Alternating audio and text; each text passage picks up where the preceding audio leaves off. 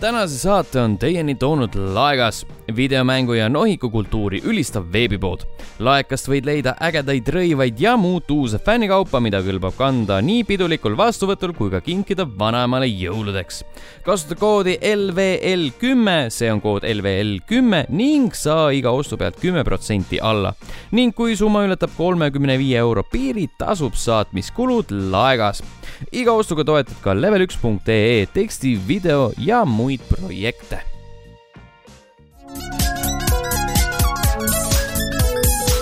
daamid ja härrad, poisid ja tüdrukud, teie ees on level ühe iganädalane podcast Teine tase. mina olen Andri, minuga mikrofoni ümber on nagu ikka Ragnar ja mikrofonid. Jah, rohkem rohkem ei olegi siin inimesi. ma mõtlesin, et kuidas ma nagu jätkan seda, et äh, mina ja, ja nii edasi. ühesõnaga, meid on veel vähem kui eelmine kord. jah, Sten kadus ära Vietnami äh, või noh, Aasiasse pigem siis. jah. ja, ja Allan, Allan ei saanud, ei saanud liituda.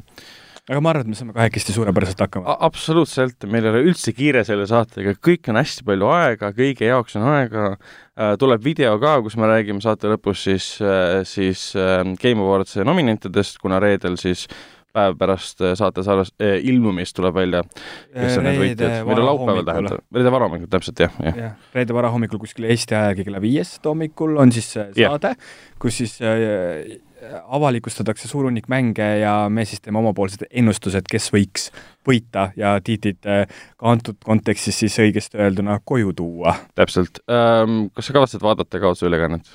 äh,. sina kui tööinimene, kas sa saad lubada endale seda, et vastu hommikut niimoodi? ma saaks selle ära põhjendada enda jaoks, aga kuna mul on hästi raske nädal olnud, siis äh, ma pole väga kindel äh,, kumb on parem, kas minu kallis padi või äh, näha laivis, kuidas äh, auhindu kätte saadakse. jah, ja noh, see ei ole laivis nagu nii tähtis ka, et sa saad hiljem selle kõik otse järele vaadata või tükid ja vaadata kõik need mängud, mis seal välja kuulutati. me teame, et Resident Evil kolme seal välja ei kuulutata, sest seda juba tehti ja sellest me räägime ka uudiste all ja ma ei tea, mis iganes need suured mängud seal olema pidid, kas midagi on juba järjestatud ka, mida, millest pidi nagu rohkem juttu tulema Game Awards'i ajal või minu meelest Half-Life'ist räägitakse seal aa, kindlasti. Half-Life Alyxis siis Jah. okei okay. um,. ega ma rohkem vist ei teagi tegelikult, kas ilmselt on mingid suured üllatused, jah, aga noh, ma, ma, ootame, ootame ära. aga alustame Õhtulehe, alustame üldse kommentaaridest ja siis muidugi Õhtulehe kommentaar, kus jättis meile Kalev siis niisuguse kommentaari, mis on hästi päevakohaline. Võtke ikka naisi ka oma saatesse jutustama, selline meestevaheline jutt kisub igavaks. nõus. jah, ei ma Kalev, kui sul on naine, keda sa tahad saatesse saata, siis anna meile teada. no ta peab olema siis äh, ükskõik kes, me võime ju staar, staar striimereid ka kutsuda ju, kui nad tahavad tulla.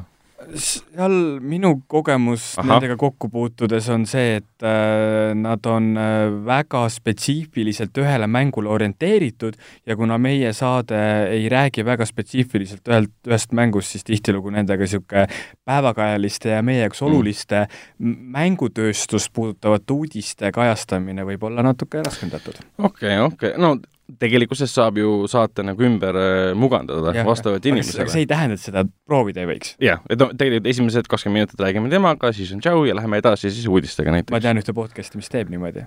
Äh, ma tean ka vist. tean kahte tegelikult. et äh, päris mitmed. ja, ja, ja, ja aga... ma olen, mina olen ka teinud oma selles kinoveebi podcast'is niimoodi, et aga Leveli tü- tütarlapsed on ikka aeg-ajalt meil käinud rääkimas. Võib-olla asi ongi selles, et see, see vahe on nüüd päris suur olnud, millal nad viimati käisid. saame süüdistada peatoimetajat, kuna teda pole siin, et ei saa ennast kaitsta. jah, täpselt, et kui Sten meid kuradi kuskil. Vietnamis äh, Saigonis või oota, kas Saigoni nimetatakse Saigoniks enam üldse? ei, see on nüüd Ho, Ho Chi Minhi linn või midagi. seda ametlikult Saigoni ei nimetata enam Saigonis, nüüd on Ho Chi Minh. Saigon on see, kus algas Apocalypse Now. jah, jah. või oli vastupidi, et enne ta oli Ho Chi Minh ja nüüd on Saigon, ma ei tea, igatahes minu ajalugu ei ole, puudutab Vietnami ajalugu kõige parem, aga midagi ma tean, et PÖFFil ühte Vietnami filmi vaadates selgus, et äh, ühte linna, mida vanasti Vietnami sõjal nimetati ühtemoodi, nimetati nüüd teistmoodi. sest seda on läbi ja kommunistid said peksa, või noh, ei saanud peksa. ja siis ikkagi võitis Vietnami sõja. jah, täpselt, elagu kommunism äh,. Lähme edasi SoundCloudi kommentaaride juurde.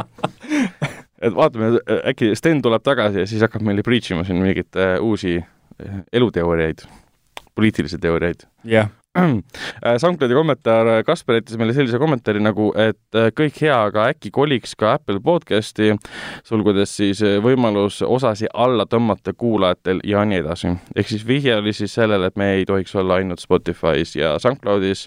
iseenesest RSS feed'i jookseb podcast ilusti sisse, aga ma saan aru, et tollel ajal, kui Sten kogu seda setup'i üles pani, siis Apple podcasti kolimine oli äh, võimatult raske, kuni sinnamaale välja, et, et põhimõtteliselt äh, täitis kõik lüngad ära ja siis äh, Next'i vajutades jooksis kogu süsteem mingisuguseks kahekümneks minutiks kokku. aa, ta rääkis sellest, ma mäletan isegi, jaa.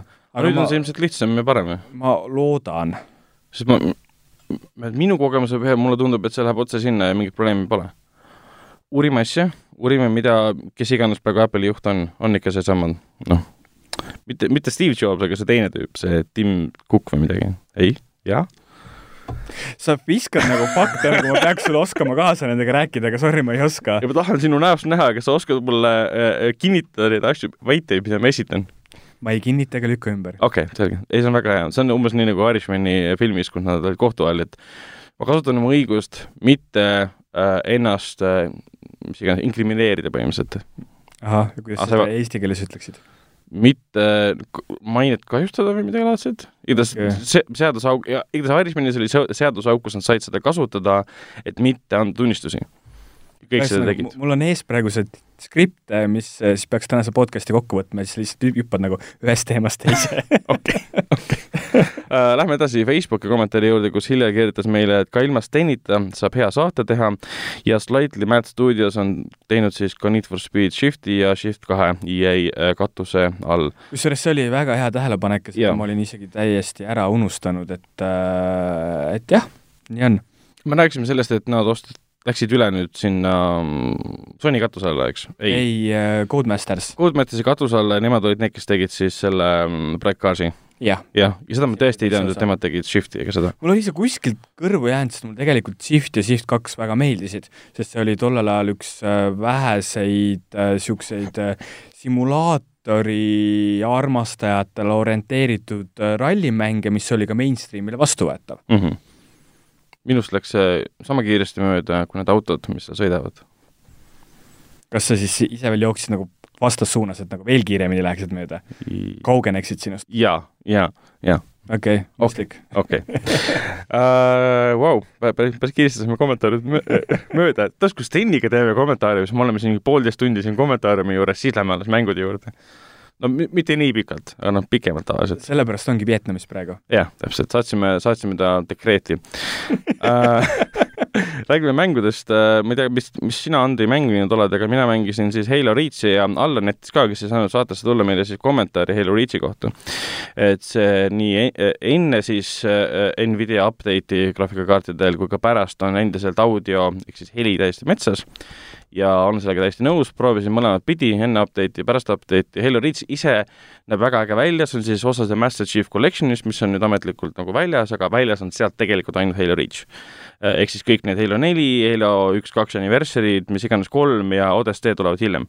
aga heli on tõesti umbes selline, et sa äh, muusika peksab üle kõik selle, mida teised inimesed räägivad, või on niimoodi, et muusika ja dialoogid peksavad üle kogu olustiku tulistamishelid. ehk siis sul tekib selline totaalne dissonants, et sa, sa ei tunne ühegi relva nagu niisugust võimsust, sa ei tunne, sa ei, sa ei saa ma-, maailmas kätte seda tagasisidet, mida tavaliselt saad, mida sina nagu mängina teed ja see on üle, üleüldiselt kõigil sama probleem põhimõtteliselt praegu. see on päris äh, lahe vaadata või kuulata, et äh, videomängude puhul tavaliselt ju arvatakse, et heli on nagu pigem vähetähtis või üleüldse tegelikult audiovisuaalmeediumites heli on alati see, ah, tehke midagi aga see näitab väga hästi seda, et kui sa ei pööra helile piisavalt palju tähelepanu, siis sa võid põhimõtteliselt kogu mängule tõmmata vee peale läbi selle. põhimõtteliselt küll, jah, jah. et noh, selles mõttes heli mõttes, kas me rääkisime, mingi aeg rääkisime ju Disco Elysiumist ka, et kohati andis heli kvaliteet, mis puudutas siis dialoogi kvaliteeti sisse loetud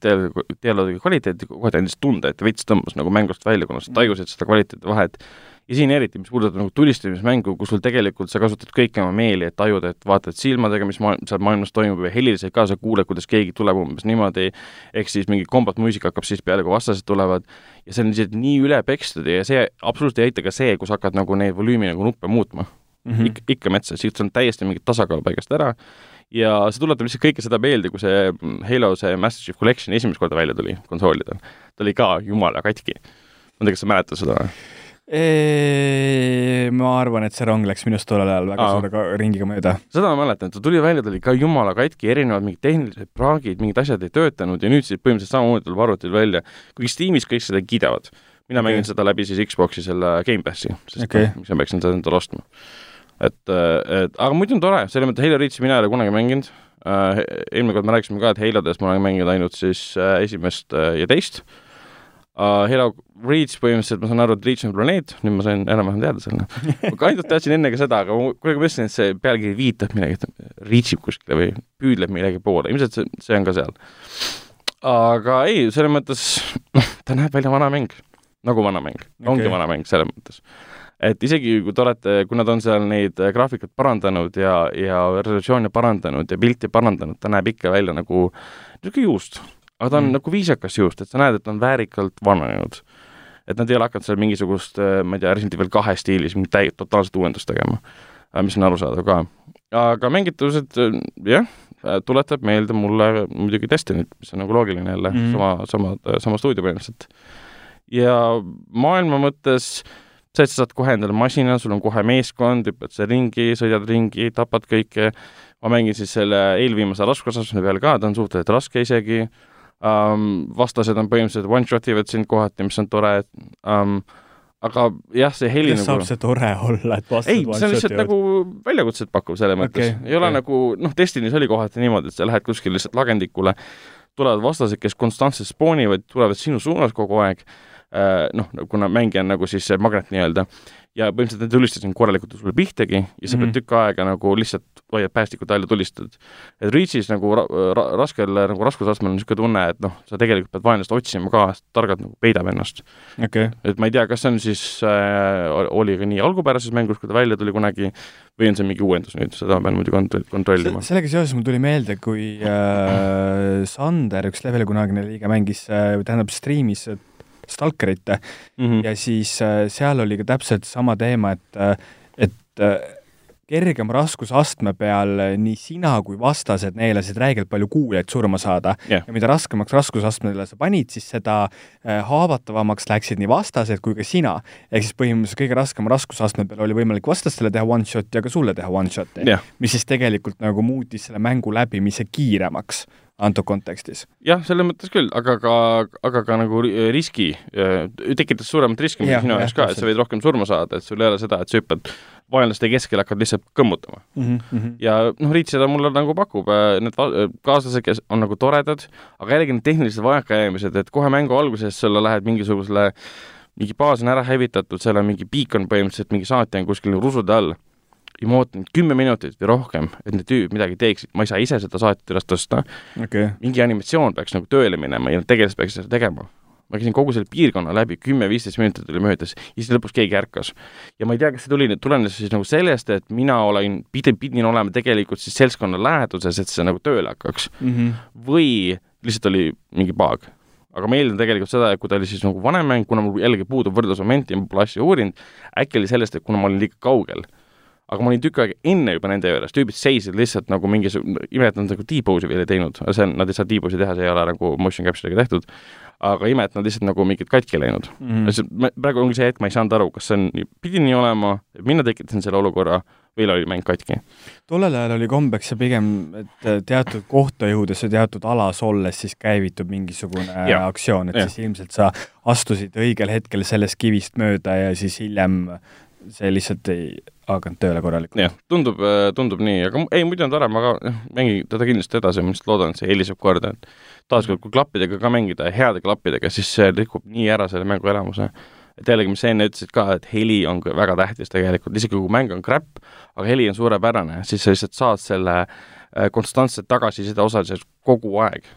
filmitööstuses on väga hea näide, kuidas äh, äh, nii-öelda kehva visuaalselt keelt sa saad ära peita kunstilise taotluse najal, aga kehva heli sa ei saa ära peita.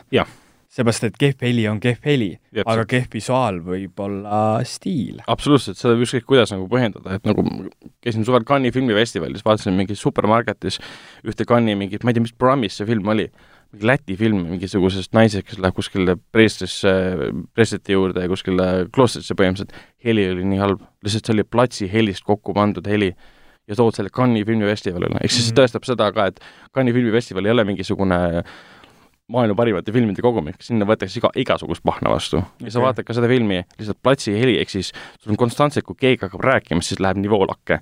Mm -hmm. ja sul, kui hakkab muusika tuleb peale, siis tuleb kuidagi väga valesti, nagu see ei ole nagu üldse nagu kokku pandud. ja noh, praegu on veits nagu eh, heilega sama tunne. Ehk siis heli miks ja ühtlustamine on tehtud tegemata. jah, ehk siis ta tegelikult oli tehtud, aga võib-olla siis näidati valet varianti lihtsalt, ma ei tea okay.. seoses äh, Gamepassiga ma tahtsin küsida su käest, et palju sul on neid erinevaid kuumaksupõhiseid teenuseid, kus sa igakuiselt oma raha alla paned? uh,. praegu mäng, mängude osas on praegu ainult üks, kui ma ei eksi. ongi Gamepass. ongi Gamepass jah, sest uh, selle Origin Access'i ma panin kinni mm? -hmm. sest äh, mõtlesin, et seal ei ole mul midagi mängida. Kuigi kas sinna see Star Wars Jedi jõudis äh, ka vist jah? ta mingi, mingi aeg sa minu meelest said seda mängida jah, seal. aa, ehk siis ta mitte täismänguni ei jõudnud? tahad, sa saad mingi kaheksa tundi mängida või kümme okei tundi, mängida ei, ma nagu loobusin sellest jah, et lõpuks ma avastasin, et mul oli mingi kuus kuud möödas, iga kuu maksin, mis lõpuks on kümme pluss äh, eurot ja ma ei olnud midagi mänginud sealt Mm. siis ma panin ta lõpuks kinni, mõtlesin, et ma siis ostan selle nagu kuuekümne euro eest selle Star Warsi mängu, mis on jumala hea. ja Ubisofti ma panin kinni, loodan, et ma panin kinni, oota. Vist panin kinni, jaa, ma panin kinni ja seda polnud ka mõtet, sest ma mängisin selle Breakpointi ära, mis sai läbi selle, mm. -hmm. oli vist. jaa, täpselt, see Uplay pluss, täpselt jah, sealt sai Breakpointi mängida, siis ma panin ka kohe selle kinni ja põhimõtteliselt praegu see, see Gamepass on kõige mõttekam, sest noh, praegu on seal see My Friend Pedro jõudis sinna, Outer Worlds on seal, Blair Witch on seal, Gears of War neli, Gears of, kaks vist oli ka seal või? jaa, täpselt Jah. uh,, Gears of War viis on seal, neli, siis nüüd muidugi siis äh, Halo Master Chief Collection ka põhimõtteliselt tuleb sinna vaikselt ja seal on nii palju asju, mida mängida, et lihtsalt see on päris lahe, kuidas Microsoft lihtsalt nagu näitab oma rahakoti haardeid läbi selle Mm. mm., et sul äh, PlayStation plussi näiteks mina ei ole nüüd ikka väga ammu omal tellinud enam ma pole mitte kunagi. no mul mingi aeg ta ikkagist jooksis sisse, sest et siis ma just ka mängisin rohkem Playstationiga, aga praegu kuidagi äh, on nagu, on nagu lihtsalt jäänud, jäänud seisma, jah. mm.. ei, PlayStation ees ma maksin ka mingi aeg, puhtalt sellepärast, et aa, ma saan nüüd Last of Us'i ilma seda ostmata. see on asi, millest mina pole kordagi maksnud aa, okei okay..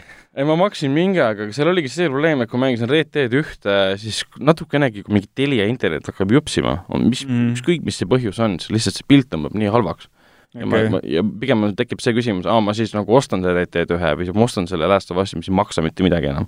nüüd jah, jah, ja põhimõtteliselt kõik need näomängud ka, põhimõtteliselt need ei maksa mitte midagi enam, sa võid digitaalselt nad osta isegi Ironixisse minna, osta selle kümne euro eest, et mm. -hmm. see ei ole mingi summa ja ostad kaks pakki jah, suitsu. seal ongi, et see, et sa pead ju nagu mingit sisu pakkuma, sellepärast mm. ma ka tunnen, et igasugused äh, Origins ja kõik need Uplay asjad, et need on niivõrd nagu platvormipõhiseks muutunud, on, versus siis see Gamepass on nagu nii konsoolile kui arvutile, mis teeb juba selle asja põnevamaks ja see Jah. noh, mänguvalik on praegu ilmselgelt kõige parem. absoluutselt et. mina ka tõsiselt mõtlen, et äkki nagu peaks mõtlema selle peale. jaa, ja kui nad nagu oma, oma, oma nagu äri hästi teevad, siis ne- ne-, neist võivad nagu nüüd kümne aastaga saada järgmine nii-öelda et nagu päriselt nii-öelda mängude, videomängutööstuse variant siis Netflixist. no et nad võib-olla hakkavad ka tootma nagu otse äh, Gamepassi jaoks mänge nagu nii, nagu Netflix teeb praegu, toodab enda jaoks põhimõtteliselt No. filme. Microsoft võiks seda teha küll, jah Jah. aga arvestades, kui nad nüüd seda X-Cloudi ka veel hakkavad arendama, kui nad sinna ka veel selle Gamepassi sisse toovad, vot see saab olema põnev kooslus. mis see X-Cloud nüüd tähendas? X-Cloud tähendab seda, et sa võid mängida ükstaskõik mis ekraanil äh, mänge, ehk siis seesama põhimõte, mis on nagu Google Stadial mm. -hmm. ainult sellisel teemal, et sul on põhimõtteliselt kogu Microsofti tehnoloogiline arendusjõud seal taga, kuni siis sinnamaale välja, et kuidas sul on hästi lihtne näiteks äh, mobiili peal puututundlike ekraani siis nagu nuppude valikut ja neid äh, asetusi muuta vastavalt siis selle mängule just nagu arendajale mõeldes mm. -hmm. et Mhm. kui lihtne on arendajal tuua läbi X-Cloudi oma teosed kõigile mõeldavatele erinevatele platvormidele. ehk siis see peaks olema teoorias parem kui see, mis nagu Stadia endast praegu kujutab. no Stadia paberi peal alguses, kui välja kuulutati, tundus väga tore asi, aga nüüd äh, vaadates neid esimesi arvustusi ja kõike seda mm,, kuidas ma ütlen, viha, mis selle konsooliga kaasas on käinud, siis äh, ei tõuse käsi seda ostma. see on huvitav, et see konsool ütled um, ta põhimõtteliselt on konsool, jah, sa võid osta ju mingi jupi värgid-särgid, aga ta on nagu virtuaalne konsool siis või? selles mõttes, et sul on ikkagist ju vaja mingisugust äh, Androidi seadet. jah, aga noh, see ei ole nagu konsool selles mõttes. nojah, siis see telekal, mis see, see Google'i pult on, millega saad oma teleka nutikaks teha, ühesõnaga. ma mõtlesin Chromecast või? jah, jah, täpselt. et noh, et selles mõttes, et ikkagi nagu sinu Chromecast muutub siis nii-öelda konsooliks. jah, ehk siis mingi muu seade muudetakse virtuaalselt, virtuaalsel teel konsooliks, ütleme nii. jaa, okei, et no vaatame, kuhu see, kuhu see asi äh,, asi viib äh,. kas sa ise oled ka midagi mänginud äh...? ma mõtlesin siia joostes selle peale, mis ma mängisin ja ilmselt kõige parem näide on uus Call of Duty, mida ma ah. nüüd olen natukene mänginud Single player või multiplayer äh,? ma ei ole single player'it kordagi käivitanud, ma olen ah. ainult mitmikmängu mänginud, ma tean, et single player'it on väga kiidetud, aga, okay. aga sinna taha see asi jäigi ah,. ja mis ma veel mängisin, äh, sellel äh, nädalavahetusel äh, pidas PlayStation oma kahekümne viiendat sünnipäeva ja siis äh, käisime Level Upi muuseumis ja seal sai igasuguseid erinevaid äh, retroasju mängi-, mängida. mängisid midagi oma kaugest-kaugest lapsepõlvest ja pisa tuli silma ka või? No siuksed uh, Need of Speed Most Wanted PlayStation kahe peal mm. ja kõik siuksed asjad, mis on nagu uh, teinud minust sellise mänguri, nagu ma praegu olen. ja see on nagu, et sa ei mängi seda mingit kaasaegset versiooni sellest, vaid yeah. seda õiget, seda PlayStation kahe puldiga seal õiges kohas. võib öelda, et sa käisid oma juuri leidmas nii-öelda, oma mäng, mängur, mängurluse juuri. kasutasin ajamasinat. oota, mis sa veel proovisid siis, Most Wanted äh...? mõtle, mis ma seal veel mängisin äh, mingi vanu Tekkeneid või mingeid Tekken kahte sai mängitud okay,, okay. FIFA kaht tuhat ühte sai mängitud. issand jumal. ma proovin veel meelde tuletada, mis ma mängisin. FIFA kahe, kaks tuhat üks, see gameplay mehaanika vist on hoopis teistsugune kui nüüd või on seal mingi ei, nüüd on täiesti teine mäng ikka okay,. sest seal juba tollel ajal ju ta ta ju ikka ei proovinud olla nii tõsimeelne, nagu, nagu praegu FIFA on. Noh, praegu on ta nagu simu-, simulaator põhimõtteliselt või noh no,, mitte jah, simulaator, aga ta, taotab ta, seda. ta tahaks olla. jah, täpselt, jah äh,. Siis äh, Needhogi saime seal mängida, aga see on niisugune nagu kaasaegne retro siis või? jaa, väga, väga. nagu teeb mingit, jah, alles tuli välja põhimõtteliselt. ja siis äh... mingeid platvormereid äh, ka äh, vana, vanast heast ajast nii-öelda tead äh,, ma vist rohkem keskendusin söömisele. okei okay., ei no sööma peab, selles mõttes, et ega kui kõht tühjaks läheb, siis mängule ka keskenduda. täpselt, täpselt, täpselt uh,. Aa, aga sa räägi siis natukene Call of Duty multiplayer'ist, et uh, mis, mis tundeid see on siiamaani tekitanud um,? mulle isiklikult see räigelt meeldib, seal on uh,, ta ei ole veel niivõrd nagu uh, kuidas ma ütlen siis, mänguaja uh, põhiseks läinud mm, -hmm. ehk siis, et muidu on nagu see teema, et näiteks Battlefieldis, kui sa oled mänginud viiskümmend tundi, siis sul on need õiged relvad lahti, millega sa lihtsalt nagu põhimõtteliselt notid nuube maha, on ju. ta on äh,, selles osas on ta mõnus, ta, mulle meeldib see, et ta ei ole neid äh, erinevate allalaetavate lisapakkidega seda asja nagu ära lõhustanud jah, ei nagu, ole killustatud mängijaskonda. kõik, on nagu koos. Ja seal on niisugused erinevad lahedad mängulaadid ka, millest ma tegelikult pole vist mitte ühtegi väga proovinud, et ma mängin neid klassikalisi mängulaade, mille puhul on see, et äh, kuidagi iga kord, kui ma panen see mitmikmängu käima, ma mõtlen, et ma ei taha midagi uut õppida, vaid ma tahan lihtsalt mängida ja ma tahan nagu nautida seda. Ja siis ma kuidagi keeran seal selles äh, Quick Play Selectionis need uued mängulaadid kinni, selle jaoks, et mul ei tekiks seda momenti, kus ma pean nüüd nagu mõtlema, mis ma nüüd teen järgmiseks ah,. Okay, ehk siis ma tahan niisugust siis... klassikalist mitmikmängu, kas siis on see capture the point, on ju, või siis äh, nagu tiim, tiim deathmatch kuigi seda tegelikult ei pea üldse kartma, sest ma, ma tegin alguses sama, siis mõtlesin, et ma ei viitsi tegeleda nendega mm.. ja lõpuks avastad, et tegelikult enamus matšid, äh, välja arvatud need üksikud, kus sa mängid kas üksi versus, kaks versus kaks näiteks mm, -hmm. äh, on väga sarnased üksteisele okay.. noh, kui Domination välja arvata, kus on palju rahvast, või oli vist Domination, kus on palju rahvast nii-öelda, kõik need teised mingid need ähm, HQ ja kõik siuksed, need on väga-väga sarnased üksteisele. Okay.. põhimõtteliselt ikkagi jooksete mingi ühe punkti vahelt, mis vahetub, või siis see vahetuse, hoiad seda, et seal ei ole tegelikult midagi uut õppida et peamine õppimismoment on võib-olla see, et sa jooksed rahvaga kaasa, vaatad, mis juhtub, aga noh, ikkagi, mis sa teed seal, on see, et sa tulistad ja seisad kuskil õige koha peal. Äh, ühe korra ma mängisin seda HQ-d mm., seal, millega mul juhe jooksis kokku, oli see, et oli kaardis, mida muidu teistes mitmikmängulaadides ma polnud kokku puutunud no.. ehk siis see oli mingisugune, mingi Araabia mingi kiriku moodi asi kui võib mm. nende kohta kirik öelda. mošee pigem? jah, ja, ja, ja siis see, kuna see, äh, jah, vabandust vabandust. kuule, kuulajate ees muidugi et äh, seal äh, püha koda oleks pidanud ütlema, siis ei oleks eksinud. jah, siis on üldisem. et äh, siis ma jooksin sellepärast kokku, et mul oli kaart võõras ja lisaks ma ei saanud aru, mida tegema peab. sest muidu need äh, teiste nende klassikaliste mitmikmängulaadide kaardid ikkagist rotateeruvad ja on suhteliselt yeah, nagu samad yeah.. et siis need äh, kaardid mulle tegelikult räigelt meeldivad mulle meeldivad need, et ta on nagu, kuigi ta tundub esmapilgul näiteks, et ta on niisugune hästi sirgjooneline, siis tegelikult ta, nad on väga huvitavalt ära lahendatud mm., et seal on nagu neid tasapindu ja neid liine on nii palju yeah., mida mööda saad sa nii-öelda liikuda. kõrgust kogu aeg muuta, kus sa nagu paikned, kas mööda katus kuskil ääre peal, mis iganes. täpselt, ja see, see kämpimisprobleem seal küll on, aga minu meelest internet on selle puhunud tunduvalt suuremaks, kui see reaalsuses on.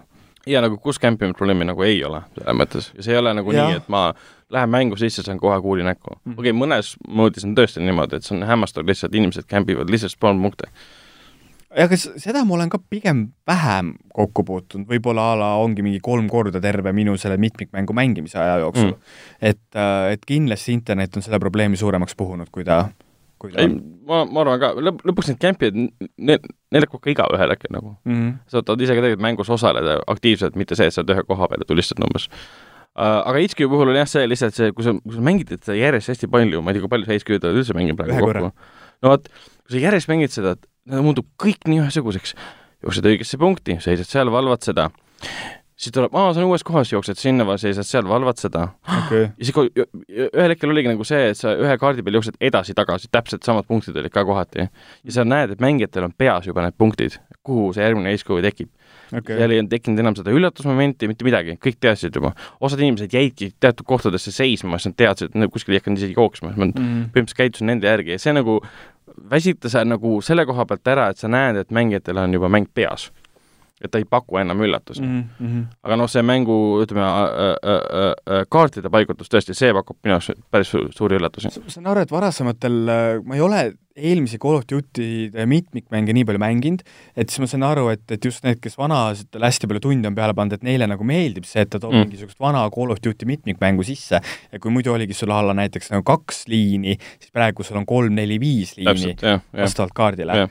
et juba selles Call of Duty see World War Two lihtsalt oli vist jah, eelmine, ülemine tähendab, ei eelmine, ülemine jah, ja, ja vahepeal oli see. oota, kinnitust jälle ma ei kinnita. ei, ei, ei ma ei otsi kinnitust, sest enne seda Call of Duty't, mis on lihtsalt Modern Warfare, oli see mm, kus oli lihtsalt multiplayer. Äh, Black Ops neli oli. täpselt, ja enne seda siis oli äh, World War Two. seal oli põhimõtteliselt ka multiplayer täpselt samamoodi, et sul ongi nagu äh, kolm rada, kaks siis külgedel, üks keskel ja põhimõtteliselt mm -hmm. rohkem nagu mõtlema midagi ei pidanud okay.. aga uues on lihtsalt see, jah, tõesti neli-viis ja mine, kuidas tahad, mine, noh mm -hmm., keegi on kuskil ukse taga ja kogu aeg niisugune tunne, et sa, et sa oled pidevalt liik-, liikuses, liikumises, liikumises, jah, täpselt. Black Ops nelja puhul mulle üldse ei meeldinud see mm, see erinev, see ringi lendamine ja ta kuidagi mm. läks nagu liiga niisuguseks äh, futuristlikuks.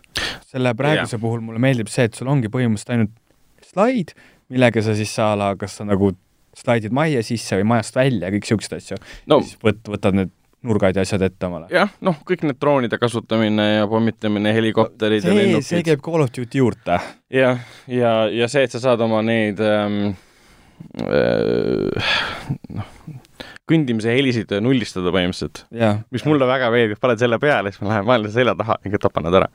Aga mis mulle ei meeldi, see, kui vaenlane minu jaoks seda vastu kasutab, et kusjuures ma vist oma nende stuudiokõlaritega mängides seda ei olegi väga tähele pannud aa, õigus, jaa, sul on see, endiselt see probleem olemas, et need äh, kõndimise helid on nii valjud, isegi kui sul see perk on, ajutine perk on peal või noh, kuidas iganes seda nimetatakse mängus, siis sa veits nagu paremate kõlaritega kuuled selle ära mm. -hmm. aga noh, no minu lemmik on see üks kõige lihtsamaid äh, killstreak'e, kus sul äh, äh, saad kaardi peal kuvada mingiks ajaks kõiki yeah. Vastaseid see tekitab ka niisuguse nagu naudingu.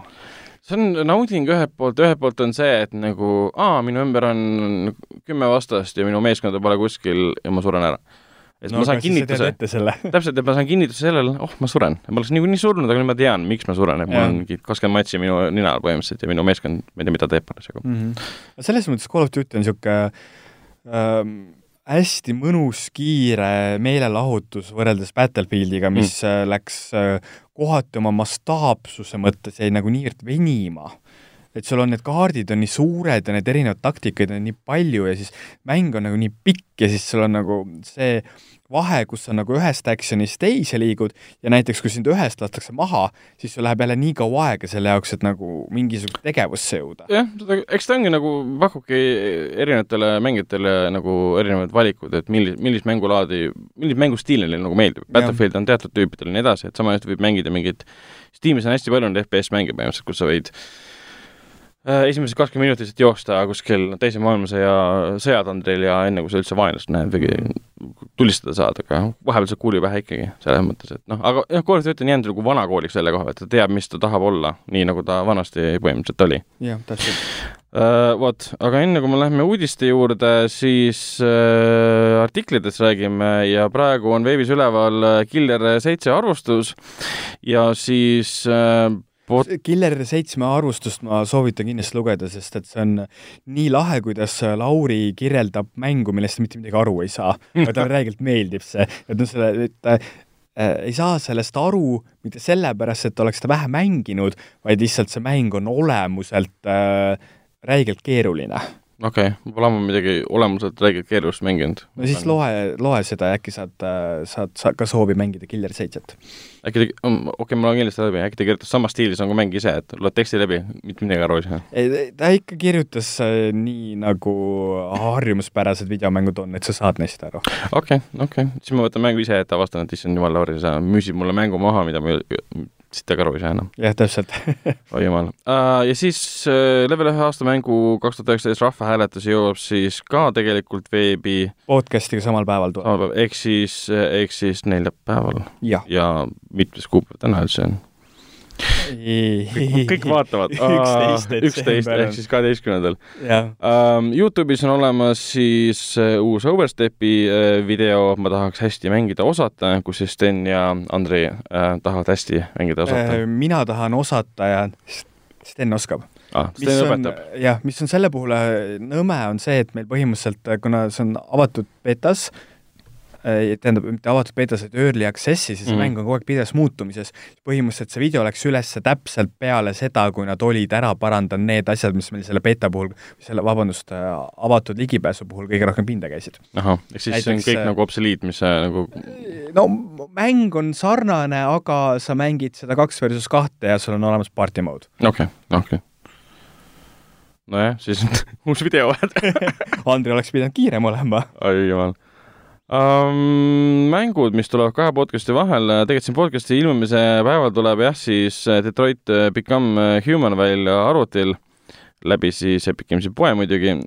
Pathologic kaks tuleb Xbox One'ile, mida mul on see mäng olemas uh, Steamis, pole kord, kordagi tööle pannud, ma sain mingi eili salakaudu, jah, müügi kaudu igatahes.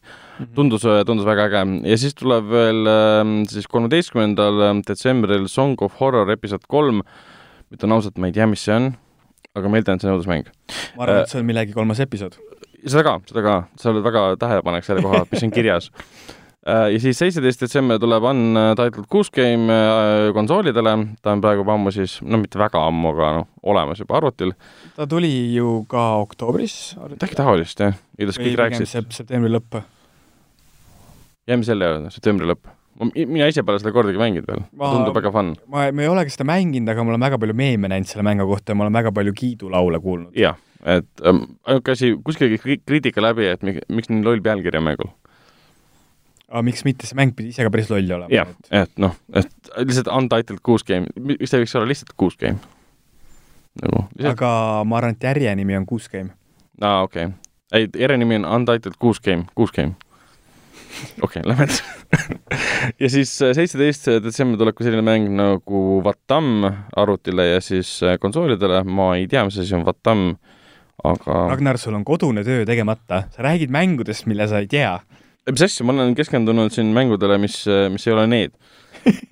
aga kuigi mul on Death Stranding endiselt lõpetamata, mul on Star Wars endiselt lõpetamata, mingid hunnik asju, Disco Elysium on endiselt lõpetamata, hunnik asju on veel lõpetamata, nii et äh, mi- minu elu ei ole praegu hea, see on, tahaks nagu enne aasta lõppu, mis on võimatu, olgem ausad, enne aasta lõppu midagi nagu ära lõpetada niimoodi, et ma saan öelda, et kiireks läheb. väga kiireks ja mingi jõulud tulevad ja aastavahetus ja peod ja mis iganes, et oh jumal, nii, aga lähme, edasi uudiste juurde ja räägime, räägime siis Robin äh, koolist ja sellest, et tema siis äh, meeskond võitis siis kuuesaja tuhande dollari suuruse auhinnafondiga suurturniiri hiljuti. täpsemalt siis ESL Pro liiga, kus nad põhimõtteliselt äh, võitsid maailma parimaid äh, CSGO võistkondi mm. -hmm. Mousesports äh, sai sellega sellest kuuesajast tuhandest sai kakssada viiskümmend tuhat ja lisaks sellele valiti ROPS äh, turniiri parimaks mängijaks ehk siis MVP-ks. ja kuskilt jäi mulle küll silma see, et äh, tänu sellele turniiri võidule tõusis äh, Mousesports äh, turniiri, tähendab üld, maailma üldises edetabelis viiendale kohale Mhm. Ja avalikult nad ütlesid selle välja, et äh, aasta kaks tuhat kakskümmend Mousesportsi eesmärk on saada maailma parimaks äh, CSGO meeskonnaks. ma arvan, et see tundub praegu üsna, üsna tõenäoline, tõenäoline eesmärk, et see ei ole väga keeruline.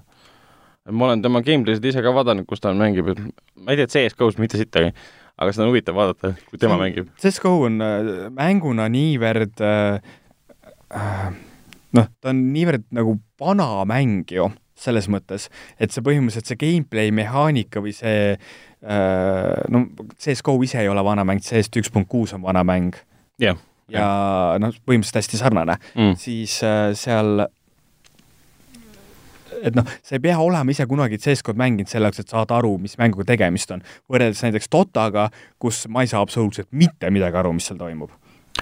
sellega ma olen ka nõus jah, ma olen vaadanud neid games'i, üle, ülekandeid kusjuures olen vaadanud Twitch'is ja lihtsalt, aa, siin toimub midagi, kõik on hästi värviline. kõik, on hästi värviline ja põnev, aga sa ei saa mitte midagi aru. CS-GO-s sa vähemalt saad midagi aru. põnevad sellepärast, et need caster'id karjuvad seal, ma mingi, ma ei saa aru, mida nad karjuvad, aga ma tunnetan häälest, et nad on erutatud millegipärast mm. -hmm. mm. -hmm. Uh, vot uh,, igal juhul, Rops, tubli oled. jaa, absoluutselt jaa, kas ta on, tema ongi siis nüüd uh, uus uh,, kuidas nüüd öelda siis um,, uus papi või? Et kui vanasti rääkisime kogu aeg papist ja tema võitudest ja saavutustest, nüüd me räägime Ropsi. no aga me ju siiani räägime papi Eh, võitudest. seda küll, aga tundub, et oluliselt rohkem nüüd räägime siis äh, Ropsist, kui me räägime papist. jaa, sest et olgem ausad, papi on juba vanaks jäänud. mis ta on, mingi, kakskümmend kaheksa, kakskümmend üheksa. okei aitäh sulle, jah ah,. me oleme kõik vanaks jäänud jah, mm.. Mm. Äh, räägime, räägime uuest BioShockist äh,. tähendab, Tükki Games andis siis vahepeal teada, et neil on siis äh, loodud selline mängustuudio nagu Cloud Chamber, mis eksisteerib siis nii, mis ta oli, Quebecis ja, ja San Franciscos. ja selle, selle stuudio eesmärk on siis luua järgmine jär,, mõne järgneva aasta jooksul siis uus BioShock, mille kallal nad juba tööd teevad. mängu kohta me ei tea mitte midagi me teame, et see on kas siis BioShock Infinite'i järg või on see BioShock äh, kahe järg, kas see on siis, läheb tagasi Rapture'i linna, mis on siis vee all või läheb Columbia linna, mis on taevas, või ta haarab kinni siis BioShock Infinite'i nagu lõpust, mis vihjas sellele, et see on nagu alati on äh, see tüdruk alati, või alati mees alati on majakas, ehk siis kõikvõimalikud variandid on täiesti nagu olemas taevas, mida nad saavad kasutada rohkem midagi teada no selles mõttes ei ole, et uh, stuudio juht on uh,, on üks naisterahvas, kes oli X-komi peal ja Sid Meier's Civilizationi peal uh, olevat siis stuudio veteran tundub, et ta nagu heades kätes. kuigi noh, minu silmis on see, et see BioShock oli kuna alati nagu Ken Levine'i laps. jaa. Ken Levine oli see nagu see suur-suur auto selle taga nii-öelda, välja jätab BioShock kahe siis. Aga esimese Infinite'i puhul ta oli nagu see suur-suur autor, suur juht, kes seda kõike nagu juhtis. see on hästi, mängutööstuses on väga vähe selliseid äh, näoga autoreid mängudel. nojah, siin saabki mingi, mitte Nick Cage, aga see Steni lemmik äh, mäng äh,, David, David Cage. David Cage jah, ja, ja mitte Nick Cage, aga David Cage. ja siis meil on Kojima, on ju, ja et noh, jah, et jah, aga selles mõttes, et nagu noh, võib-olla pead kokkulugemisel teise käe appi võtma, aga sellest rohkem küll ei lähe vaja. jah, no kui praegu siin isegi üritame, ongi Ken Levine, David Cage, Kojima, okei, siin mingi Yoko Taro võib lisada põhimõtteliselt ja siis need Team Ico, see põhitüüp, okei okay,, ikkagi tuleb. Peter Molyneux põhimõtteliselt, okei okay,, tema ei ole enam väga heas kirjas, aga siis see Cliff oligi uh,. Ah, Cliff Besinski yeah.? jaa, okei okay,, aga tema ei eksisteeri enam vist, ma saan aru, et ta lõpetas no ta kindlasti kuskil eksisteerib. mingis äh, aeg, aegruumis. oma rahahunniku otsas yeah. mis ta teenis uh,, mis iganes see viimane Battle Royale mäng oli, mis nad uuesti välja lasid, esim-, välja lasid, kui siis, kui see loobreikers läbi hakkas kukkuma uh,. aga ei, selles mõttes küll ja võib-olla kahe käe peal korjab kokku, aga ütleme, puudu ei tohiks jääda mm. -hmm. Need, mis kohe nagu on pea otsas nii-öelda tulevad meelde. Aga neid, noh, Jaapani äh, mängustuudiote neid kuulsaid juhte tegelikult on päris palju, mida mina ei tea. jah. noh, peale Kojima. noh jah, aga selles mõttes, et filmitööstus ikkagist on rohkem nagu režissööri käe järgi.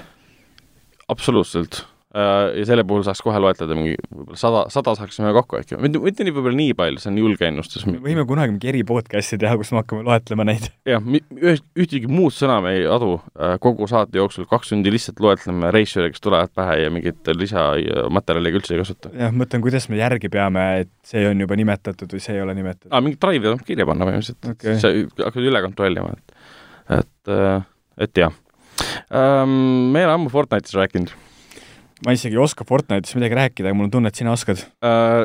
Jah, aga noh, kui Fortnite'ist äh, rääkida, siis muidugi ikka seoses sellega, et ähm, keegi kaebas jälle Fortnite'i kohtusse ja mitte siis äh, mingil, mingil tõsisemal põhjusel, vaid ikka endiselt nende tantsude pärast uh,. nimelt siis Fortnite'i jõudis hiljuti siis uus, uus tants, kus üks mehike põhimõtteliselt siis teeb seda Victory tantsu, kus tal on siis ähm, pumpkin, noh, kõrvitsa, kõrvitsa pea ja siis tantsib mm ja see, see, see tants, tants põhimõtteliselt ja see välimus, see kõrvitsapea, see pärineb siis aastast kaks tuhat kuus, äh, mille muutis kuulsaks siis äh, Omaha äh, uudisteankur Matt Geiler, kes omal ajal tegi sellest ka Youtube'i video ja sellest võttis siis nagu, see ei ole nagu nüüd, kohe selgitan, võttis sealt siis Fortnite selle ja tegi sellest siis nagu oma tantsu mm. -hmm. küll point oli selles, et see Epic Games juba maksis tegelikult õiguste eest sellele samale tüübile kümme tuhat dollarit, et see tants endale võtta ja seda mängus kasutada.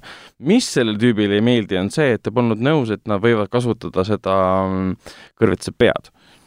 Tants küll, aga välimus ja kõrvitsa pea. Ja nüüd ta siis kaebab põhimõtteliselt New Yorgi siis föderaalkohtu kaudu, äh, et nad lõpetaksid selle tantsu kasutamise ära et kuna te rikkusite lepingut ja siis Epic Games väidab, et ei, niisugust asja pole olnud, et äh, ei tea, millest te räägite. ta kaebas kohtusse, et ära võetakse, siis kaebas, kaebas kohtusse, et rohkem raha saada eh, tõenäoliselt mõlemad.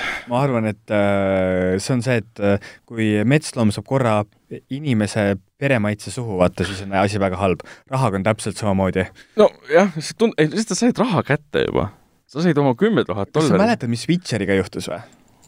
Aa, nojah, sa mõtled seda, Sapkovski sai mingi äh, mõni tuhat ja siis pärast vaatas, et mäng on populaarne ja tahaks veel või? jah. kuigi seda vist tema lõpuks ei tahtnudki, vaid see oli hoopis tema advokaadid, kes lihtsalt äh, vaatasid, et kasutame võimalust ära. no aga ta ju ikkagist peab ise sellega nõus olema. jah, noh, ütleme, ütleme nii, et ta ei, ei, ei öelnud. jah ja. ja., aga ikkagi tüübid tahtsid, sai kümme tuhat dollarit kätte, siis tuli see põhimõtteliselt see tants tuli välja, vaatab, et aa, me ei leppinud kokku selles, nüüd siis kaebab uuesti kohtusse, et lõpetatakse selle ära või siis äh, trahv ja ta saab hästi palju raha selle pealt. aga selles mõttes Fortnite on äh, õppinud vahepeal, et, et juba nagu enne maksavad raha ära. jaa, jaa, siin enne, mis see oli, mis oli see mingi backpack guide ja orange shirt guide, aga orange shirt'i puhul oli teistmoodi, see oli läbi mingi võistluse ja siis, kuna see sai hästi popiks, siis mingi see tantsu siis, selle tantsi, algupärase tantsija, kes selle tantsu esitas Epic Gamesi mingisuguses võistluses, tema ema hakkas raha välja nõudma. aga selle Backpack Gidiga oli minu meelest ka see teema, et kuskil ju tõestati ära, et ühes muusikavideos oli enne seda Backpack Giti sedasama tantsuliigutust kasutatud. aa ah,, jah, jah. ja siis seal vist kuidagi läks see asi nagu veel veelgi imelikumaks. no see läks veel hullemaks jah, siin oli see, mis see oli, Prince of Bel-Airi see Carlton, Carlston või mis see nimi oli, tema tants ka, et ta põhimõtteliselt hakkas vahepeal Epic Gamesi peale õiendama, et võtsite minu tantsu sellest seriaalist. ja siis tekkis üldse see üleüldine arutelu selle üle, et et mil-, millal on tants nagu autoriõiguste all mm. -hmm. et kui see on nagu Moonwalk, siis ega see, see on ka esimene kord, kui Jackson seda tegi, seda oli ka varem juba tehtud, tema ja võttis näiteks ja... Arm, Armstrong, kes tegi päriselt no, Moonwalki. täpselt aga lihtsalt, aga ma ei tea, kas ametlikult kuskil paberites on kirjas, et Moonwalk on nüüd siis autoriõiguste all Michael Jacksoni oma? mina ei riskiks aga... mängu panna Moonwalki ja sellega raha teenida mm,. Mm. seda ilmselt äh, Epic Games veel ei tee, aga no ütleme, Michael Jacksoni estate võib-olla vajab raha, et äh, tegelikult ei jää vaja, see on vahepeal selgus, nad hakkavad tegema mingit uut muusikali Michael Jacksoni elust. jah, lavamuusikal siis, mitte filmimuusikal. see oli ka minu jaoks umbes selline uudis, et why though, nagu miks, kas veits nagu vara, vara pole või? ootame mõned aastad. tegelikult on juba ju mõned aastad möödas sellest uh, sellest küll, aga sellest äh, viimasest dokumentaalfilmist mitte. nojah, aga selles mõttes, ma arvan, et neid viimaseid dokumentaalfilme jääb täpselt nii kaua tulema, kuni need äh, lapsed kõik on nii-öelda ära surnud, kellega siis Michael Jackson äh, kokku puutus. tõsi, tõsi, tõsi oh,. alati uh, saab ju öelda, et rääkimata lugu, sest kõik kindlasti ei ole veel rääkinud. no E-, enam, enamus said raha kätte, et sellega rahul, ütleme nii. Äh, teised said raha kätte ja siis nad ei olnud rahul. aga ei, ma ei taha siin madaldada absoluutselt ohvrite, ohvrite äh, jutu väärtust, sest seal võib mingi tõde olla. lihtsalt ma ei võta nagu dokumentaalfilmi selle aluseks, siis sellel puudub juriidiline alus selle koha pealt. jah, sest et äh, me mõlemad oleme ju filmitööstusega kokku puutunud ja teame, et niisugust asja nagu dokumentaalfilm ei eksisteeri. jah jah, isegi maailma esimesed dokumenta-, dokumentaalfilmid on tegelikult äh, dokumentaalfilmid. et kohe, kui sa paned äh, kaamera püsti ja valid vaatenurga, siis see ei ole enam dokumentaalfilm. ja sa annad mingile inuitile põhimõtteliselt mingi tööriista kätte, et näed, saad usutama mind, ei ole enam dokumentaalfilm mm, -hmm. see ei filmi tema elu enam uh,. Vot uh,, vahepeal oli siis State of Play detsembrikuu oma, kus siis Sony rääkis uutest, uutest mängudest uh, üks võib-olla kõige-kõige-kõige ägedam oli see, et me saime siit kinnituse, et Resident Evil kolm on, on olemas, see on siis algupärase, mis ta oli, üheksakümnenda aasta siis mängu remake. Äh, ta on tehtud Resident Evil kahe vaimus, äh, tuleb välja siis kolmandal aprillil ja sinna tuleb siis kaasa ka Resident Evil Resistance, mis on siis mitmikmäng, ehk siis neli versus üks mäng, kus üks on siis nii-öelda mängujuht, kes paneb siis lõkse ja saadab Tyrant'i peale näiteks ja teised neli mängijat võitlevad selle vastu äh,, seal on siis aja, aja, aja see time limit nagu peal põhimõtteliselt. Ja Resident Evil kolm on siis äh, põhimõtteliselt jah, äh, kolmanda isiku vaates action mäng, nii nagu Resident Evil kaks. Resident Evil kaks sai küll räigelt kiita. absoluutselt, ja ta on igati nagu, igat minutit sellest kiitusest väärt. aga seal ei olnud ju mingi, mitte mingit go-up'i ega mitmikmängu ega mingit niisugust asja, seal oli lihtsalt lugu. see lisatud kohe hiljem minu arust ei ole äh,, absoluutselt mitte mingil kujul ja Resident Evil kolme tegelikult ka pole lisatud, lihtsalt see on täiesti uus mängulaad, mis on täiesti uus kõrvaline mäng. aga miks nad seda sinna juurde poogivad? Sest niimoodi ilmselt lihtsam seda nagu müüa, et äh, võib-olla osad need, kes tahavad Resident Evil kolme endale osta, vaatavad, et äh, ostan ta siis kohe, sest tal on kohe mitmikmäng ka, et ma teen selle põhimängu läbi, ma saan kohe sõpradega hakata siis mitmikmängu mängima.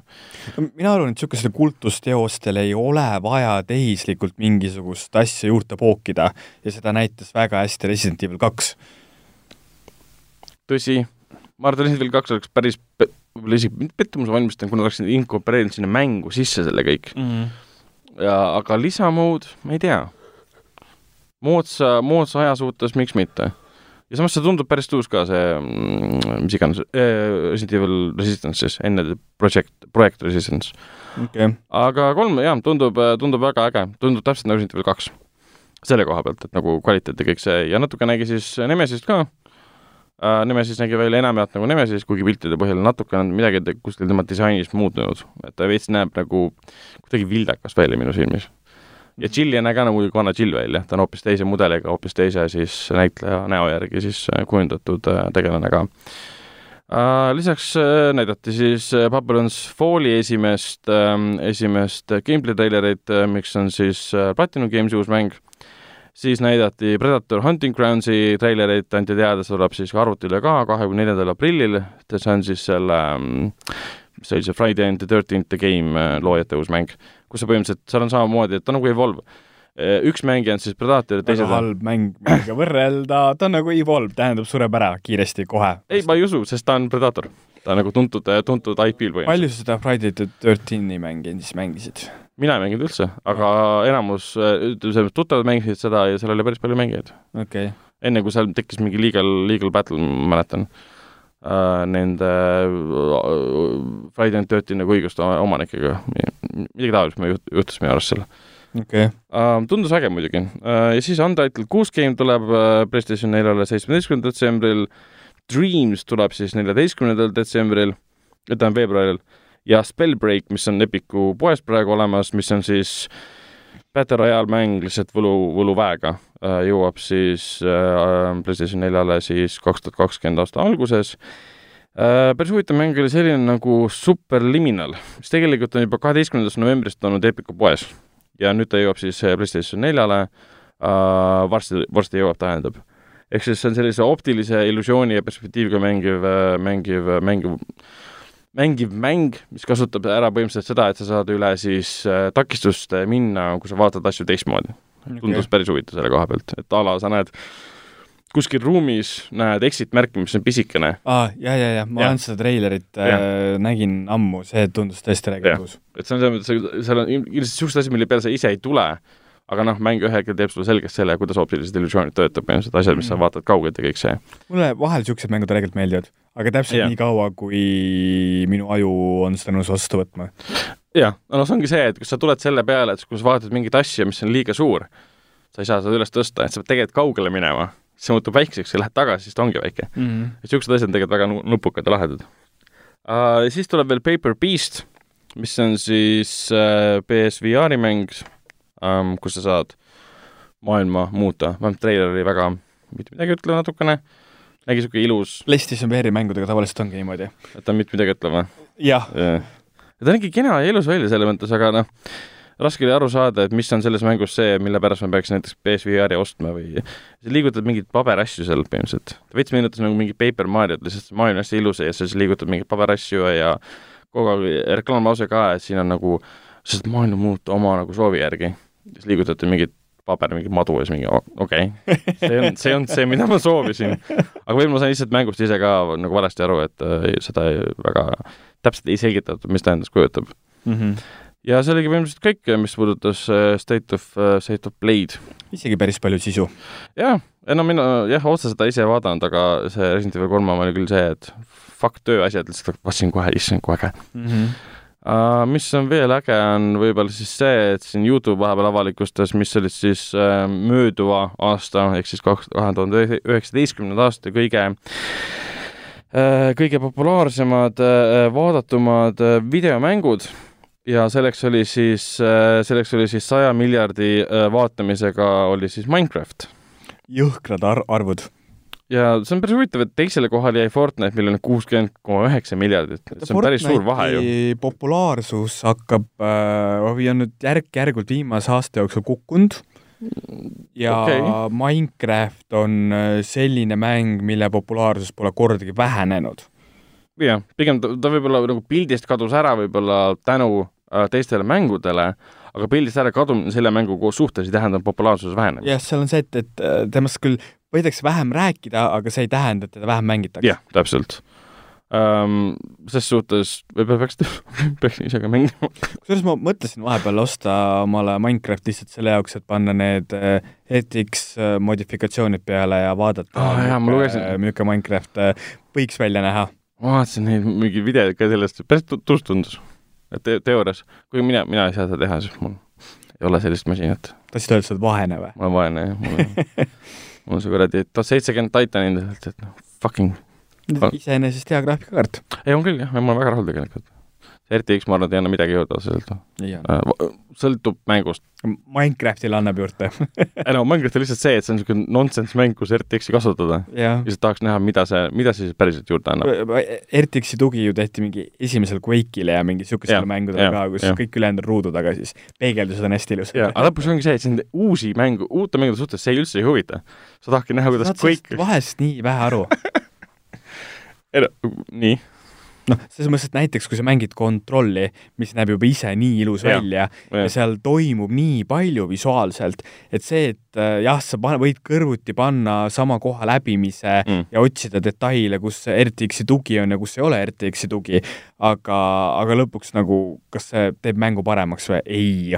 No kui sa detaili pead otsima, siis see on juba selles mõttes äh, märkamatu lisa. see on umbes sama, et sa ei märka filmi juures head mont-, head montaaži, siis hea montaaži eesmärk on seda mitte märgata. jah, täpselt. nii, aga räägime, räägime mängu auhindadest ja enne kui läheme Game Awards'i juurde, et uurime välja, mis need nominatsioonid on ja teeme omad ennustused, mainiks ära, et IGN kuulutas vahepeal välja siis oma äh, selle aasta siis lemmik arvutimängu ja selleks on siis midagi muud kui, kui Disco Elysium.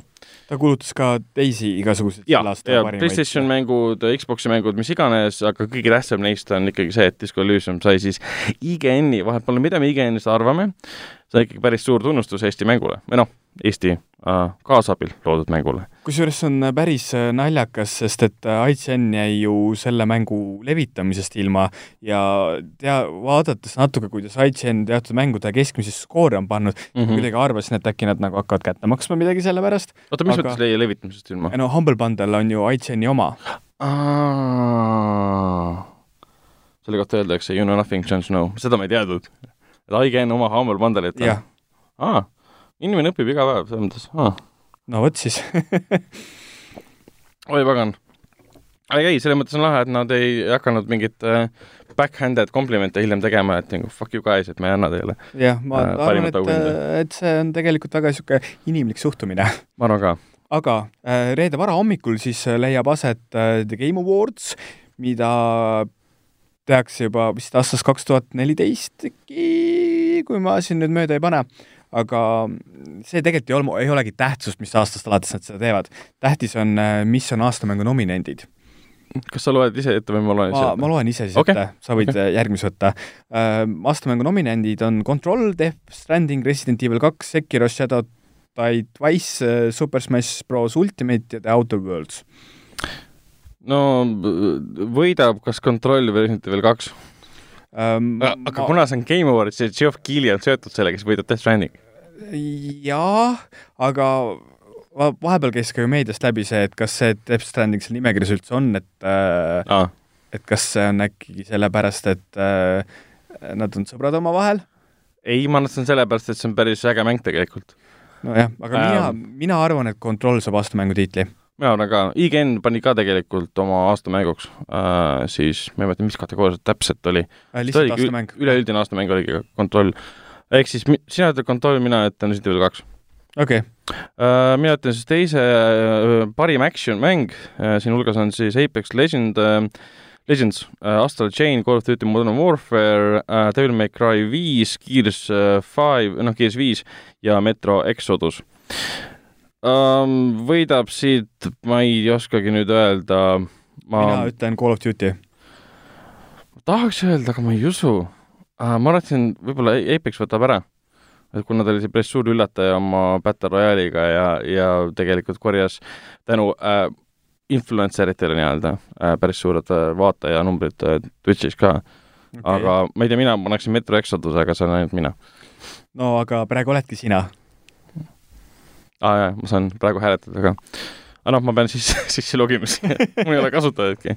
nii, igal juhul äh, Call of Duty versus Apex Legends versus ja. Äh, Metro Exodus. parim seiklusmäng Borderlands kolm, Control, Death Stranding, Resident Evil kaks, The Legend of Zelda Link's Awakening, Seko-, Sekiro, Shadow Die Twice. no ma ei tea, jälle kas Control või Resident Evil kaks või? no kui mina võtaksin, siis mina ütleks Borderlands kolm, aga ma arvan, et äh, selle saab ka Control omale sest ta on nii action kui ka seiklus, pluss ta on omapärane, teistsugune, Borderlands kolm on nagu rohkem sama asja lihtsalt uuel aastal. mis pole üldse halb asi tegelikult. ehk siis äh, parim seiklusmäng, Andrei, sina ennustad, et selleks on siis äh, Borderlands kolm no,? mina arvan, tähendab, mina tahaks, et oleks, aga tegelikult tuleb kontroll. ma arvan ka, et tuleb kontroll Uh, parim siis, mis see siis, kunstiline lahendus või? jah ja,. sinna hulka kuuluvad siis Control, Death Stranding, Gris uh,, uh, Sayonara Wild Hearts, isegi ei tea, mis see on uh,, Sekiro Shadows Die uh,, Die Dice uh, ja siis The Legend of Zelda Link's Awakening uh,. kunstiline ma arvan, et jälle kontroll. tegelikult selle ma arvan, et võib Death Stranding ära võita ah,. et sa pigem arvad, et siis üldse Game Awards'i puhul antakse talle auhindu rohkem selle eest, et ta on nagu äh, kunstiliselt teistsugune, aga no, mitte nagu mänguna. on jaa, on, on, selles mõttes, et kunstilise lahendusena ja kunstteosena on ta ikka tõesti hea mäng. jah, kui niipidi võtta, siis küll, okei okay,, siis ma, ma arvan, et siin annab Geoff Keighley siis auhinna, mõjutas kuidagi žürii valikut, tuleb Death Stranding, jah, oleme sellega nõus. Parim audiodisain Call of Duty, Control, Death Stranding, Gears Five, Resident Evil kaks, Sekiro, kõik nagu hakkavad korduma need täpselt samad mängud, jah. Äh, audiodisain, ma arvan, et jälle kontroll, ei, Modern Call of Duty isegi või? ei, Death Stranding on päris hea audio hmm.. mina arvan, et siin on Control, ma pakun, et siit tuleb äh, Call of Duty. okei okay., puhtalt sellepärast, et äh,, et see on mi- militaristlik mäng ja kus on heli väga tähtsal kohal. Kuigi see, me just kritiseerisime just selle heli, kuna see on kohati liiga vali, mis on mm., aga okei okay,, kontroll siis parim kogukonna tugi, äh,. Apex Legends, Destiny kaks, Final Fantasy neliteist, Fortnite ja Tom Clancy's äh, Rainbow Six Siege. arvan, et see läheb Fortnite'ile. ma arvan ka miskipärast, see ei tohiks väga isegi üllatav olla, et see Fortnite'ile läheb. kuigi siit võib tulla Siege üllatada, sest nad vahepeal ikka päris kõvasti ennast äh, uuendasid ja muutsid äh, kogukonna silmis Mm. um,. okei okay,, võtad järgmise. Äh, parim äh, sisulooja, ma isegi ei oska siit ühtegi nime välja hääldada, Courage, Doktor Lupo, Evok, The Grevg, Shroud, Shroud, Neist ma tean ainult Shroudi, nii et ma valin Shroudi ma arvan sama. um,. parim e-spordi uh, treener um,. Erik uh, Hoag, Nuri Young, Fabian Loorman, Kim Jong-kyun uh,, Tituan Merlos ja Danny Sorensen. õnne võtab aimugi, uhkama. ma pakun, et ü- üks lõunakorealastest, ma arvan, et see Kim. okei okay.. oota, milline Kim? siis selle SK Ah, okei, SK Telekomi treener. okei. arvan, et kõlab loogilisena.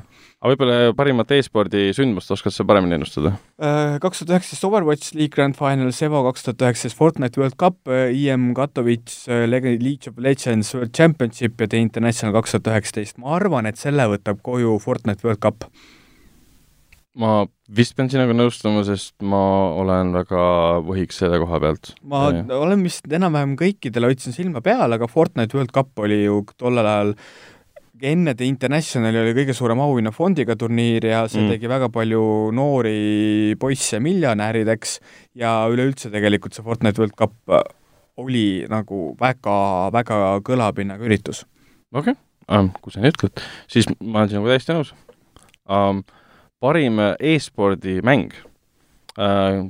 CS GO, Dota kaks, Fortnite uh,, LOL ja Overwatch um,. Hmm, Fort-, Fortnite? Kas Fortnite või CSGO? ma jääks nagu klassikalistele mängudele truuks ja ütleks, et CS GO. ütleme, et CSGO. Jah. parim e-spordi kommentaator? no vot siis. Siox, Machine, Red, Red Eye, Golden Boy ja Can-, Candice. ma olen kuulnud Golden Boyst. vist olen ka Golden Boy äh, nime, nimi on läbi käinud. ei mäleta konteksti, kas ta Aga- oli äkki üks neist, kes äh, andis äh, teada, et ta pole rahul sellega, mida Blizzard tegi selle Hongkongi proteste toetanud, võimalik, võimalik. äkki, äkki vist oli tema uh,. parim e-spordimängija um,. ma mõtlen need, okei okay, uh,, Pukha, Faker, Perks, Simple ja Sinatra. ma pole ühestki kunagi midagi kuulnud um,. ma arvan, et Sinatra võidab, sest Sinatra võitis elus päris palju. Äh, ma arvan, et Kail tegelikult saab selle sest see on see noor, see Fortnite'i mängija, Kail Puga. Kail, aa, Puga, okei okay., noor Fortnite'i mängija. sul on õigus, Fortnite, Fortnite võtab siin mitmeid kategooriaid ära, pluss äh, muudab inimesed rikkaks. nii, aga milline võiks olla parim e-spordi meeskond? Astralis äh, G2 eSports, OG San Francisco Shock või Team Liquid? mina arvan, et Team Liquid saab selle omale. ma arvan ka, sest ähm, jällegi see on ainuke, mida ma olen kuulnud ise. aga sina, sa, sa, sa ennustad puhtalt selle põhjal, mida sina tead äh, endast yeah., endast äh, võistkondadest äh,. parim, parim peremäng äh,, Luigi's Mansion kolm äh,, Ring Fit Adventure, Super Mario Maker äh, kaks äh,, Super Smash Brothers Ultimate ja Yoshi's äh, Crafted World. panid tähele, et siin on põhimõtteliselt ainult Nintendo mängud? jaa, kui sa nüüd seda ütled tegelikult ka, siis ma vaatan ka, oi, tere uh,. Aga samas Nintendo toodabki, see on väga õige kategooria, kus on kõik Nintendo mängud um,. Ring Fit Adventure üleüldse mäng, Mansion kolm, ma arvan. ma arvan ka Mansion kolm.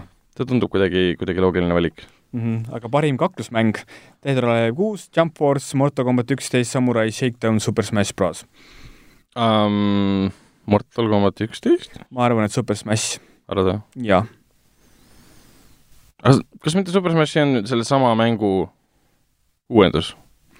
no Super Smash, põhimõtteliselt kõik kaklusmängud on sama mängu uuendus. aa, panen midagi segamini. ta oli ikka totaalselt uus mäng selle koha pealt jaa okay., ja, põhimõtteliselt okay. kõik Super Smashid on ju noh, sama põhimõte nagu jaa, seda küll, seda küll. aga siis mul miskipärast jäi mulje, et oli nagu vana mängu lihtsalt uuendus, värskendus või midagi. ei, eelmise tähendab? ei olnud minu meelest okay,. aga siis... keegi võib mulle sellest äh, Super Smash Brothers peks anda. okei okay., ma arvan, et siin kommentaarid Youtube'i videol annavad teada, et oh Andri, fuck you uh,. okei okay,, ma sinuga nõus, Super Smash Brothers uh,. värske indie-mäng uh,, tähendab, indie-mängu stuudio siis pigem uh, indie-mäng ja indie-mängu stuudio. Sest siin on välja toodud, äh, kõigepealt on välja toodud siis Zaum, kes tegi Disco Elysiumi äh,, siis on Nomada stuudio, kes tegi Chrissy, siis on Dead Toast Entertainment äh,, kes tegi siis väga laheda My Friend Pedro, siis on äh, Mobius Digital, kes tegi siis Outer Worlds'i, siis on Mega Grit, kes tegi For ähm, äh, Slay the Spire tegi ja siis äh, House House, kes tegi siis Untitled kuus game'i Uh, siit ma ütleks kohe, kuna kategooria on fresh indie game, värske indie-mäng, siis et Saum ja Disco Elysium. siin ei ole kahtlustki ja kui me ütleks midagi, see on hästi tugev nimekiri, sest et nii Untitled kuus game kui ka My Friend Pedro olid kõik väga-väga head ja ta muidugi ta out, out, ei Outer Wilds ei ole Outer Worlds. ei, see on see teine indie-mäng. jah uh,, siis uh, oleme kohustatud ütlema Saum. jah see on juba patriootlik kohustus pigem. sellepärast, et me usume sellesse. jah, me usume ja see peab juhtuma. aga mis oli siis selle aasta mängude hulgas kõige parema mängu režiiga? ma kirjutasin siia eesti keeles parim suunitlus. aa, okei okay., see on ka hea tegelikult. teos, mis paistis silma loomingulise, loomingulisuse ja innovaatilisusega mm. -hmm. Control, Death Stranding, Resident Evil kaks, Sekiro ja The Outer Worlds. ma arvan, et selle võtab Death Stranding ära ma arvan, et ei võta, ei võta kontroll. kes iganes oli kontrolli mängurežissöör, seda ma, oligi tegelikult seesama meie sõber, või? mis see nimi nüüd oli, Sam Lake? Äh, Sam Lake seal oli küll päris tähtsal kohal. tähtsal kohal, jah. Sam Lake oli stsenarist. aa, okei okay.. samas ma, ma arvan, et sul on õigus, sest Death Stranding on nii-öelda Kojima tagasituleku mäng. ehk siis kõik tahavad seda pühitseda, seda suurt sündmust. okei okay,, siis küll, jah uh,. Games for Impact, mis see mõjuvaim mäng. mõjuvaim mäng, okei okay. uh,. Nende hulgas on siis äh, PlayStation neljale jõudnud uh, Concrete Genie, Chris uh,, Kind Words, Life is Strange kaks ja Sea of Solitude um,. Impact, ma arvan, et Life is Strange kaks on nendest siis võib-olla kõige uh, tõenäolisem variant, mis võiks selle kategooria kinni panna. okei okay,, kõlab hästi, ma olen sinuga nõus. No, no kõik räägivad, et see on nüüd hea, sest vahepeal ma jätsin pooleli aga mis võiks olla parim äh, iseseisvalt loodud mäng või siis parim indie-mäng? indie-mäng tegelikult, jah. Disco Elysium aga siin on veel, siin on Baba is you. Katana, okei, okei, okei, okei, okei. aga parim mobiilimäng, nende hulgas on äh, Call of Duty Mobile, Grindstone, äh, Sayonara Wild Hearts, Sky Children of the Light ja What the Golf. ma arvan, et selle võtab Call of Duty Mobile ära. see on kõige värskem neist vist isegi. Ja ta on kõige mängitum neist jah, no siin võib-olla mängib populaarsus ka rolli, kui mina annaksin Skyle äh, Silent Light, mis varsti peaks Androidile tulema, see on siis sama stuudio, kes tegi need um, Journey ja um, Flower ja kõik need lahedad mängud um,. Aga parim mitmikmäng sellel aastal? kas Apex Legends, Borderlands kolm, Call of Duty Modern Warfare, Tetris üheksakümmend üheksa või Tom Clancy's The Division kaks?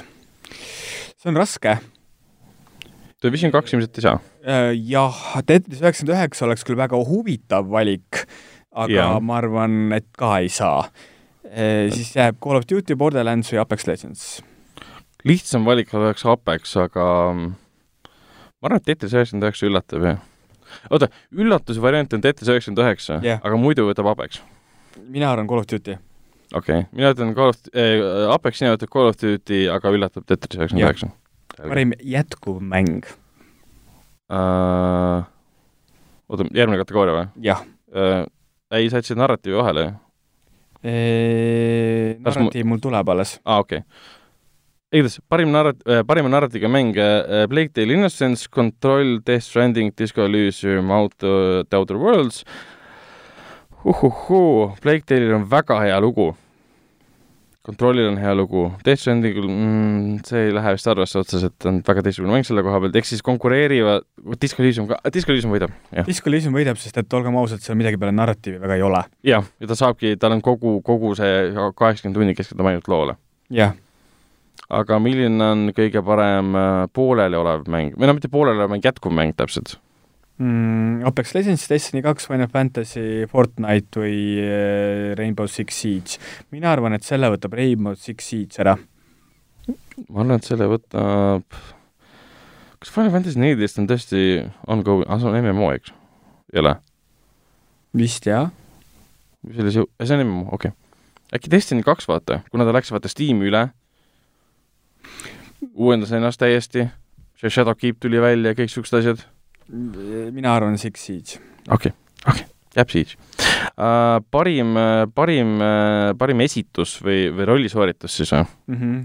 Uh, Nende hulgas on siis Ashley Birch um,, kes tegi siis Outer, Outer Worldsis uh,, siis on Courtney Hope, kes tegi Controlis, siis on Laura Bailey, kes oli Gears viies, Mads Mikkelsen Death Strandingus, Matthew Porreta, kes oli siis samuti Controlis ja Norman Reedus, meie kõigi lemmik Norman Reedus, kes oli siis äh, Death Strandingus. uhuhuu. jaa, see on uh,, hmm mina arvan Norman. ma tahaks ka uskuda, et Norman, kuigi tegelikult see, ma ütleks kontrolli puhul ei loe siis ähm,. Courtney Hope äh,, kas ta ei olnud nii hea siis või? mm,. no ma arvan, et Norman lihtsalt võlub oma selle sarmiga. okei, okei, okei. Parim rollimäng? Nende hulgas on siis Disco Elysium, Final Fantasy neliteist, Kingdom Hearts kolm, Monster Hunter World Iceborne ja The Outer Worlds. Disco Elysium. ma arvan ka, kuigi kui nad lähevad nagu klassikalise rollimängu poole, siis võib-olla see Outer Worlds. Äh, Disco Elysium on klassikaline roll. jaa, okei okay,, okei okay,, okei okay., ta on klassikalisem kui Outer Worlds. Jaa. uh, parim muusika uh,, Cadence of Hyrule, Death Stranding, Devil May Cry viis, Kingdom Hearts kolm, Sayonara Wild Hearts. Death Strandingul on väga hea muusika uh,, teiste puhul ma ei oska väga, Devil May Cry viies oli ka väga hea muusika. ma ei siiamaani mänginud seda. paraku, kurbusega pean tõdema seda. aga ma arvan, et äh, Death Stranding. Low Roar, uhuu, kuigi ma, siin peetakse silmas ikkagi loodud muusikat mängu jaoks, mitte jah uh,. parim spordi uh, või siis uh, võidusõidumäng, nende hulgas on siis Crash Team Racing Nitro Fueled Dirt Rally kaks punkt null, e-football Pro Evolution Soccer kaks tuhat kakskümmend, F1 kaks tuhat üheksateist ja FIFA kakskümmend um,. mina arvan, et Dirt Rally. ma, ma, ma ei oska selle vastu nagu vaielda, ma arvan ka, et Dirt Rally kaks punkt null um,. parim strateegiamäng uh,, Age of Wonders Planetfall, Anno tuhat kaheksasada, Fire Emblem Three Houses, Total War uh, Three Kingdoms, Tropico kuus ja War Groove um. tegemist on küll minu ühe lemmikžanriga, aga ma ütlen ausalt, siit ma pole mitte ühtegi mänginud. jaa, mul on sama asi vist praegu, ma vaatan üle, War Groove, mul on olemas see, pole tööle pannud. ma pakun, et Fire Emblem Three Houses, sest see oli vahepeal hästi äh, levelis, oli ka saanud kõva kajastust jah, sest see on äh, väga-väga kiidetud. mm. -hmm. ja viimane siis äh, parim äh, virtuaalreaalsusmäng ja siis parim äh,, mis see ER nüüd oligi ähm,, liitreaalsus. liitreaalsus Jah., augmenteeritud reaalsus, argument, see on, mina kasutan pigem sõna liitreaalsus. okei okay., see on eesti keeles kõlab tegelikult paremini. Ja nende hulgas on siis mängud äh, nagu Askar's Wrath äh,, Blood and Truth äh,, Beat Saber, No Man's Sky ja Trover Save the Universe. Nendest on minu lemmikud muidugi Beat Saber ja Trover Save the Universe. aga seal ma arvan, et Beat Saber võtab Ma-, võtab koju, sest et Beat Saberi fenomen on ikka kolossaalne ja tegemist on väga tuusa mänguga jaa, pluss ta hiljuti see stuudio läks üle ju siis, kuhu ta üle läks? äh,. Oculus ostis. Oculus, jaa, jaa, jaa. Pluss ta oli suurepärane nii arvutil kui ka PlayStation VR-i peal, ma mängisin seda nii palju kohati, et ma olin nagu täiesti, nautisin seda igat tundsid, kuidas äh, higi voolas ja lihased Oh jah. kasvasid ja oo oh, jah, lihtsalt, lihtsalt valutasid, ise hakkas kasvama vaikselt, et jaa, jaa. vot um,, siuksed ühesõnaga, olid sellised olid meie lemmikud, tähendab meie ennustused antud kontekstis, võite meile anda oma kommentaariumis märku, mis teie arvate, kes äh, toob võidu koju ja kas Disco Elysiumil tuleb neli auhinda. täpselt. mina siis... õhtusaates andsin lubaduse, et tuleb. tuleb jah ja.? oi, kutsutakse uuesti, uuesti vaibale, et hakkad rääkima seal, et äh, ma, ma ei tea, miks ta ei võitnud selles mõttes ma ei ole süüdi, vaata, ma andsin oma hääle diskole äh, ma, ma ei ole Eesti suurim äh, eeskõneleja, et ja siis keelame kutsuda õhtu, õhtu. ma ei ole see, mis need kohvipaksu pealt ennustajad ja ahah, no selge. kes, kes see nüüd Sakra tabas uh,? Igor Mang kuidas siin Ilmar Raag öelda? Ilmar Raag, Ilmar Raag on endiselt filmitegija ja poliitik, tema vist loodetavasti kellegi tšakrat veel avanud äh, ja kui ole. on, siis ma arvan, et ta on seda teinud äh, tütarlaste nõusolekul äh,. loodetavasti äh,, jah, igatahes Game Awardsi auhinnad selguvad siis millal täpselt? Äh, reede varahommikul Eesti aja järgi. täpselt, ehk siis päev pärast põhimõtteliselt päev pärast siis äh, podcast'i ilmumist ja. ja siis äh, põhimõtteliselt saame linnukese kirja panna, kui palju meil täppi läb, läks ja kas me lähtusime liigselt äh, emotsioonidest, mis puudutas Eesti mänge? no bingo mängus ma arvan, et mina praegu võidan. okei okay,, okei okay,, okay.. ma ei ole kunagi bingot mänginud, selle mõttes, et äh, aga eks ole näha. jep vot, aga loeme sellega saate saateks ja näeme juba järgmisel nädalal koos Steni, Allani ja siis Andriga ka tõenäoliselt, et noh. vaatab, kas mul on äh, ruumi peatoimetaja kõrval olla. okei, okei. et siis edaspidi Sten tuleb ja võtab ohjad taas kord üle ja korra majja ja kõik see äh, muu ilus ja tore ja mis iganes. jah, näeme järgmine saade. tšau. tšau. tänase saate on teieni toonud Laegas, videomängu ja nohikukultuuri ülistav veebipood.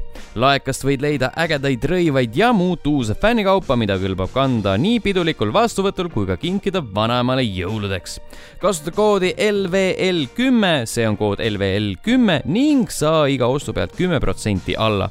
ning kui summa ületab kolmekümne viie euro piiri, tasub saatmiskulud Laegas. Iga ostuga toetad ka level1.ee teksti, video ja muid projekte